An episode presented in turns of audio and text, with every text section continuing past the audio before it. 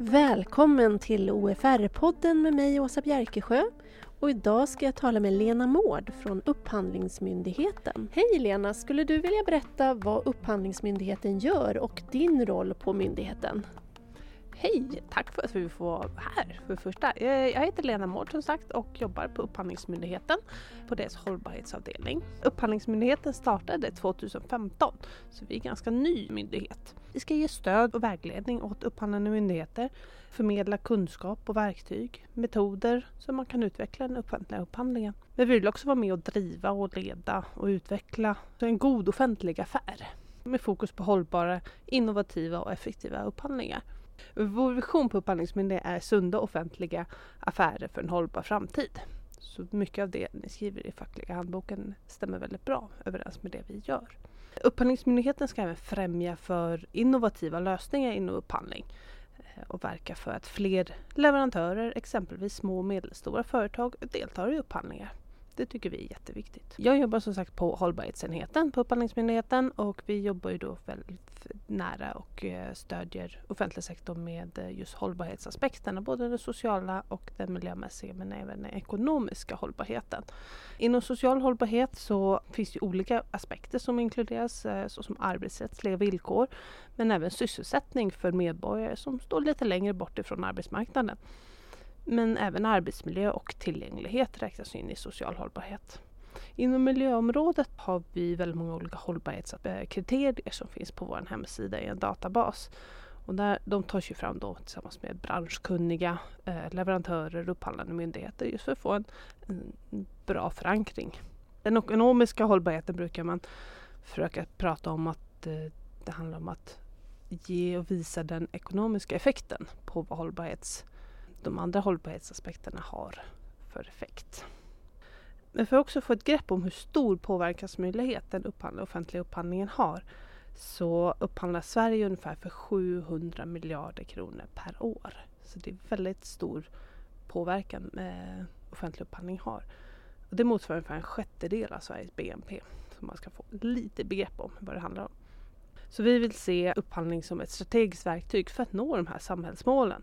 Vårt jobb är då att ge exempelvis stöd till inköpare eller upphandlare som jobbar i den offentliga verksamheten och att minska osäkerheten i sakfrågor. Och vi påpekar de regelverkens möjligheter som finns genom lagarna. Men också dess begränsningar ibland, för de finns också.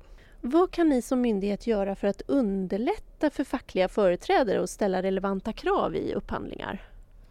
Upphandlingsmyndigheten finns ju till för fler personer, inte bara de eh, upphandlarna utan även fackliga företrädare och leverantörer och beslutsfattare och andra företag som är intresserade av den offentliga affären helt enkelt. Men för att veta lite mer hur de fackliga företrädarna kan vara med och påverka behöver man också förstå inköpsprocessen som hela upphandlingarna bygger på.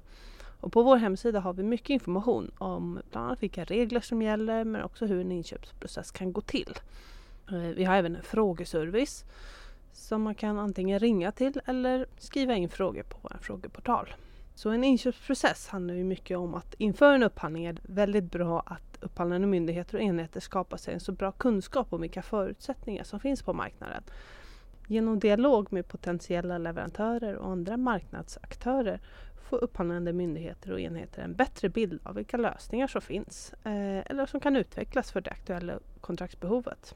Det kan också leda till fler lösningsförslag från fler leverantörer och på så vis en förbättrad konkurrens som leder till effektivare upphandlingar också.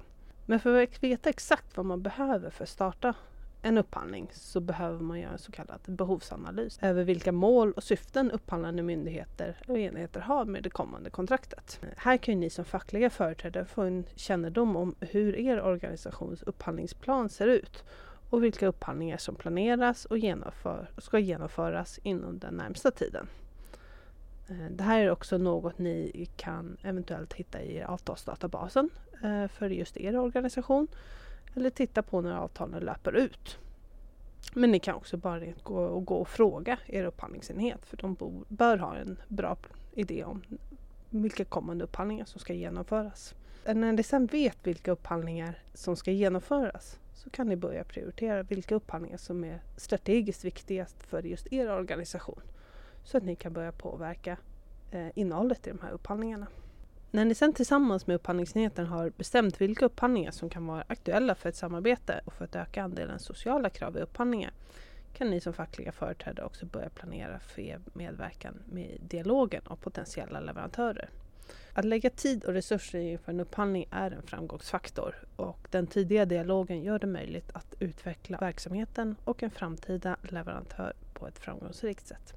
En bra dialog kan gå bortom de ständiga förbättringar och kanske leda hela vägen till nya och innovativa lösningar. Det gäller att bara säkerställa skäliga arbetsvillkor för de personer som ska utföra kontraktet. Vi har mer information om just hur en tidig dialog kan genomföras och det hittar du på Upphandlingsmyndighetens hemsida. Den 1 juni 2017 kom en komplettering till dagens upphandlingslagstiftning som innebär att vissa upphandlingar ska innehålla särskilda arbetsrättsliga villkor. Men lagstiftningen innebär ju även att upphandlande myndigheter och enheter får ställa andra krav på hur kontrakt ska utföras. Det kan innebära till exempel arbetsmiljökrav eller andra krav enligt ett kollektivavtal. Så länge kraven som ställs följer de grundläggande principerna och har en koppling till kontraktsföremålet. En koppling till kontraktsföremålet innebär att det ska finnas ett behov av att ställa ett krav eller ett villkor i upphandlingen samt att det måste stå i relation till vad som ska utföras under kontraktstiden. Med det sagt så får man inte ställa krav som är alltför generella för en leverantörs organisationsstruktur eller som ska gälla under hela kontraktstiden. Av den anledningen är det alltså viktigt att först analysera vad er organisation behöver och genomföra en dialog med potentiella leverantörer eller branschorganisationer och därigenom analysera vilka risker det kan finnas att ert behov inte kan uppfyllas. Och därefter kan ni formulera de relevanta krav och villkor som behövs.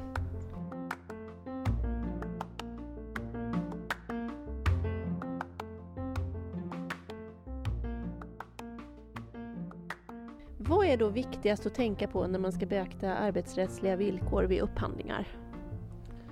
Det man först och främst ska tänka på är att det inte är tillåtet att ställa krav i upphandlingen som tvingar en leverantör att ha ett kollektivavtal. Därav att eh, lagstiftningen är utformad som så att eh, man ska ställa villkor som baseras på ett kollektivavtal gällande lön, arbetstid och semester.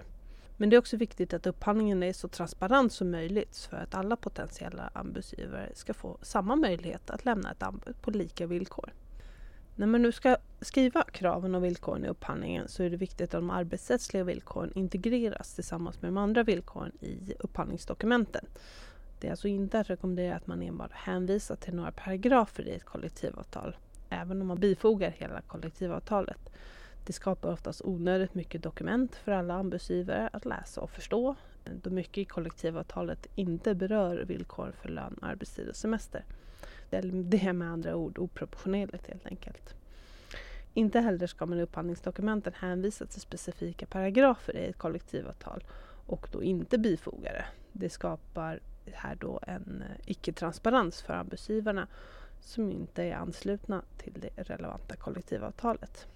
Dessutom riskerar det att skapa olika tolkningar av innebörden av kollektivavtalet om myndigheter och enheter tillsammans med leverantören inte har samma förståelse av innebörden av kollektivavtalet och kan göra andra tolkningar än arbetsmarknadens parter. Det är därför viktigt att upphandlande myndigheter och enheter samråder med båda parterna för kollektivavtalet när man ska fastställa villkor för arbetstid, lön och semester. Men vad som också är viktigt att komma ihåg är att skyldigheten att ställa ut arbetsrättsliga villkor finns bara för upphandlingar som övergår de bestämda tröskelvärdena och när det bedöms behövas. Det är alltså eh, helt frivilligt att även ställa villkoren i upphandlingar under tröskelvärdena de här tröskelvärdena, de, vilka värden det är, det finns på Upphandlingsmyndighetens hemsida. Men det kan du även fråga din upphandlande enhet om.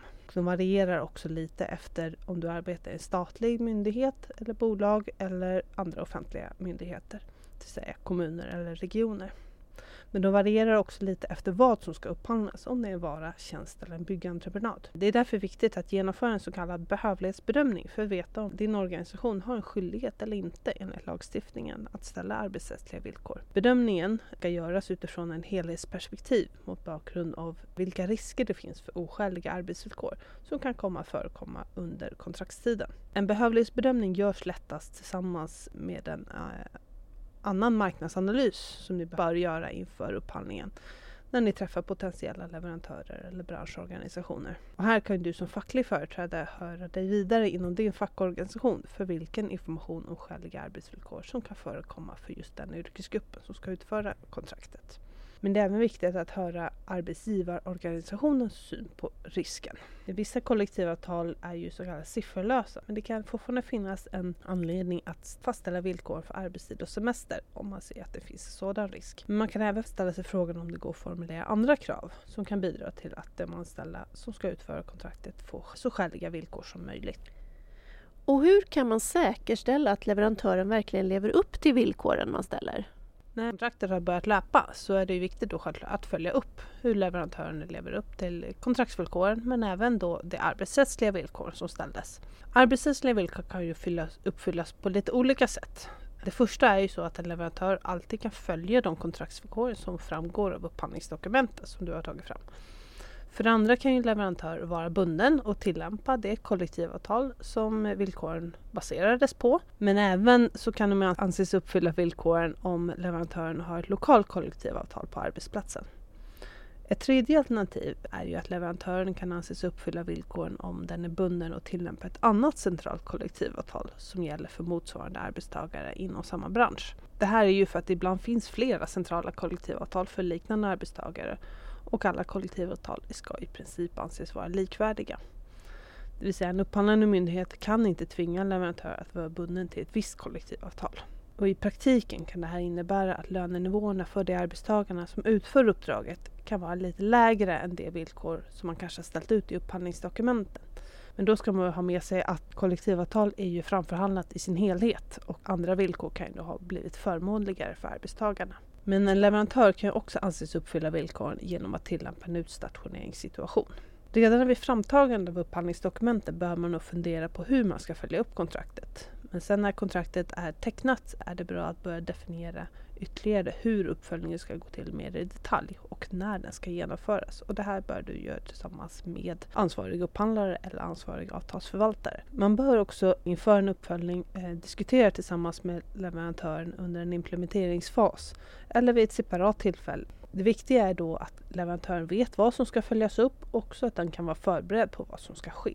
Sen ska man vara medveten om att alla kontrakt kanske inte måste följas upp på samma nivå och i samma omfattning utan en viss prioritering kan behöva göras och då är det bra att alla parter som är inkluderas i en uppföljning är medvetna om vilken prioritering som ska göras och varför den görs. Ett sätt att prioritera vilka avtal som ska följas upp kan ju vara att väga in avtalets strategiska betydelse för upphandlande myndigheter och enheter eller hur stora riskerna för att kraven och villkoren inte uppfylls.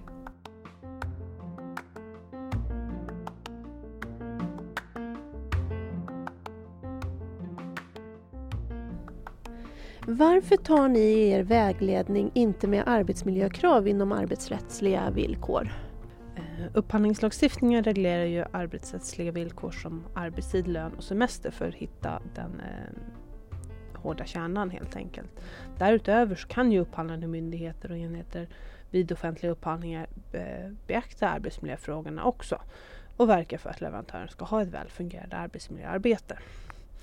Upphandlingar kan ju vara då ett verktyg för att förebygga arbetsskador eller ohälsa genom att reducera riskerna på arbetsplatsen. Som vi varit inne på så ska de arbetsrättsliga villkoren baseras på centrala kollektivavtal. Och då förstår jag att, det, att man lätt kan dra slutsatsen av att upphandlande myndigheter och enheter även ska beakta arbetsmiljöreglerna eh, som flera kollektivavtal innehåller. Men de villkor och regleringar om arbetsmiljön som finns i kollektivavtal kan till exempel vara olika skydds eller säkerhetsvillkor eller villkor om arbetskläder. Dessa går ju att vid behov omformulera till krav i upphandlingar eller kontraktsvillkor. Det viktiga är att tänka på att inte ställa de här kraven i onödan. Det vill säga att det bör finnas ett behov av att ställa villkor och att upphandlande myndigheter ser en risk att arbetsmiljön kommer att åsidosättas under uppdraget. Därutöver har vi ju även arbetsmiljölagstiftningen och föreskrifterna om systematiskt arbetsmiljöarbete som i huvudsak utgår från att arbetsgivaren ska ha kontroll över arbetsmiljön och arbetsplatsen för dess anställda och de som arbetar på arbetsplatsen. Lagen och föreskrifterna gäller ju oavsett om arbetsgivaren har få eller många arbetstagare eller om arbetstagaren är utländsk eller svensk. Och att arbeta med systematiskt arbetsmiljöarbete innebär ju att arbetsgivaren ska undersöka, riskbedöma, åtgärda, kontrollera arbetsmiljön regelbundet och återkommande. Arbetsgivaren behöver dessutom ha rutiner som talar om hur arbetet ska utföras och för att upprätthålla det förebyggande arbetet. Så man kan ställa krav och villkor på arbetsmiljö men då är det viktigt att kraven och villkoren som ställs i en upphandling utformas så att de upphandlande myndigheterna och enheterna ger de förutsättningar som behövs för att leverantören ska ta ansvar för arbetsmiljöarbetet. Sen har även Arbetsmiljöverket rekommendationer på hur man kan hantera arbetsmiljö i upphandlingar. Det arbete som Arbetsmiljöverket har gjort och som framgår på deras hemsida innebär ju att upphandlande myndigheter och enheter kan arbeta för att förebygga arbetsolyckor och ohälsa på arbetsplatserna. Ett sätt att ställa krav är ju att säkerställa att leverantören har en arbetsmiljöpolicy, har fungerande rutiner för sitt arbetsmiljöarbete och som säkerställer att leverantören undersöker arbetsmiljön regelbundet och man gör riskbedömningar och åtgärder. Och ett stöd för att kunna ställa de här kraven är ju att Swedish Standard Institute också har en internationell standard för ledningssystem gällande arbetsmiljö. ISO 45001. Så ett krav eller kontraktsvillkor på att leverantören ska ha ett sådant ledningssystem eller ett liknande ledningssystem kan vara ett sätt att arbeta med en säkrare arbetsmiljö under kontraktet. Har du något mer kring upphandling som du vill tillägga Lena och som kanske många frågar om när de tar kontakt med er? Det viktiga att ta med sig när man gör en upphandling är ju att upphandlande myndigheter och enheter har förhållandevis stort utrymme att ställa krav som den önskar och har ett behov av. Så länge den inte på ett otillbörligt sätt styr kravställning mot en viss leverantör eller en viss produkt.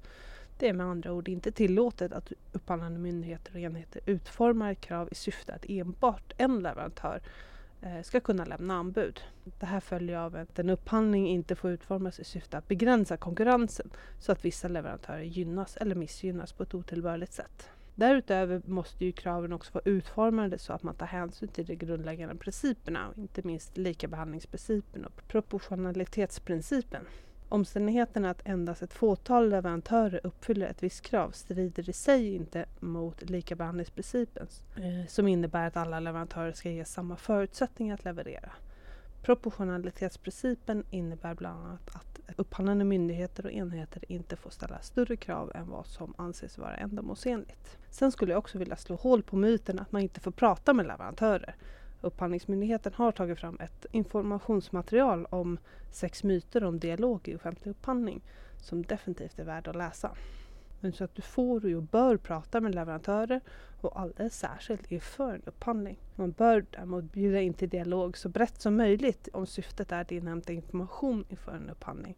Däremot är inte sagt att du måste bjuda in samtliga potentiella leverantörer. Men du bör undvika att enbart föra en dialog med nuvarande leverantör inför en kommande upphandling av den anledningen att du kanske inte får en tillräckligt bra kännedom för att kunna göra en god affär. Men när väl upphandlingen har annonserats har upphandlande myndigheter och enheter en skyldighet att bara svara på frågor så att alla potentiella anbudsgivare får tillgång till svaret vid samma tillfälle. Därför bör inte svaren ges muntligt över telefonsamtal till en anbudsgivare utan svaret bör ges elektroniskt via till exempel ett upphandlingssystem.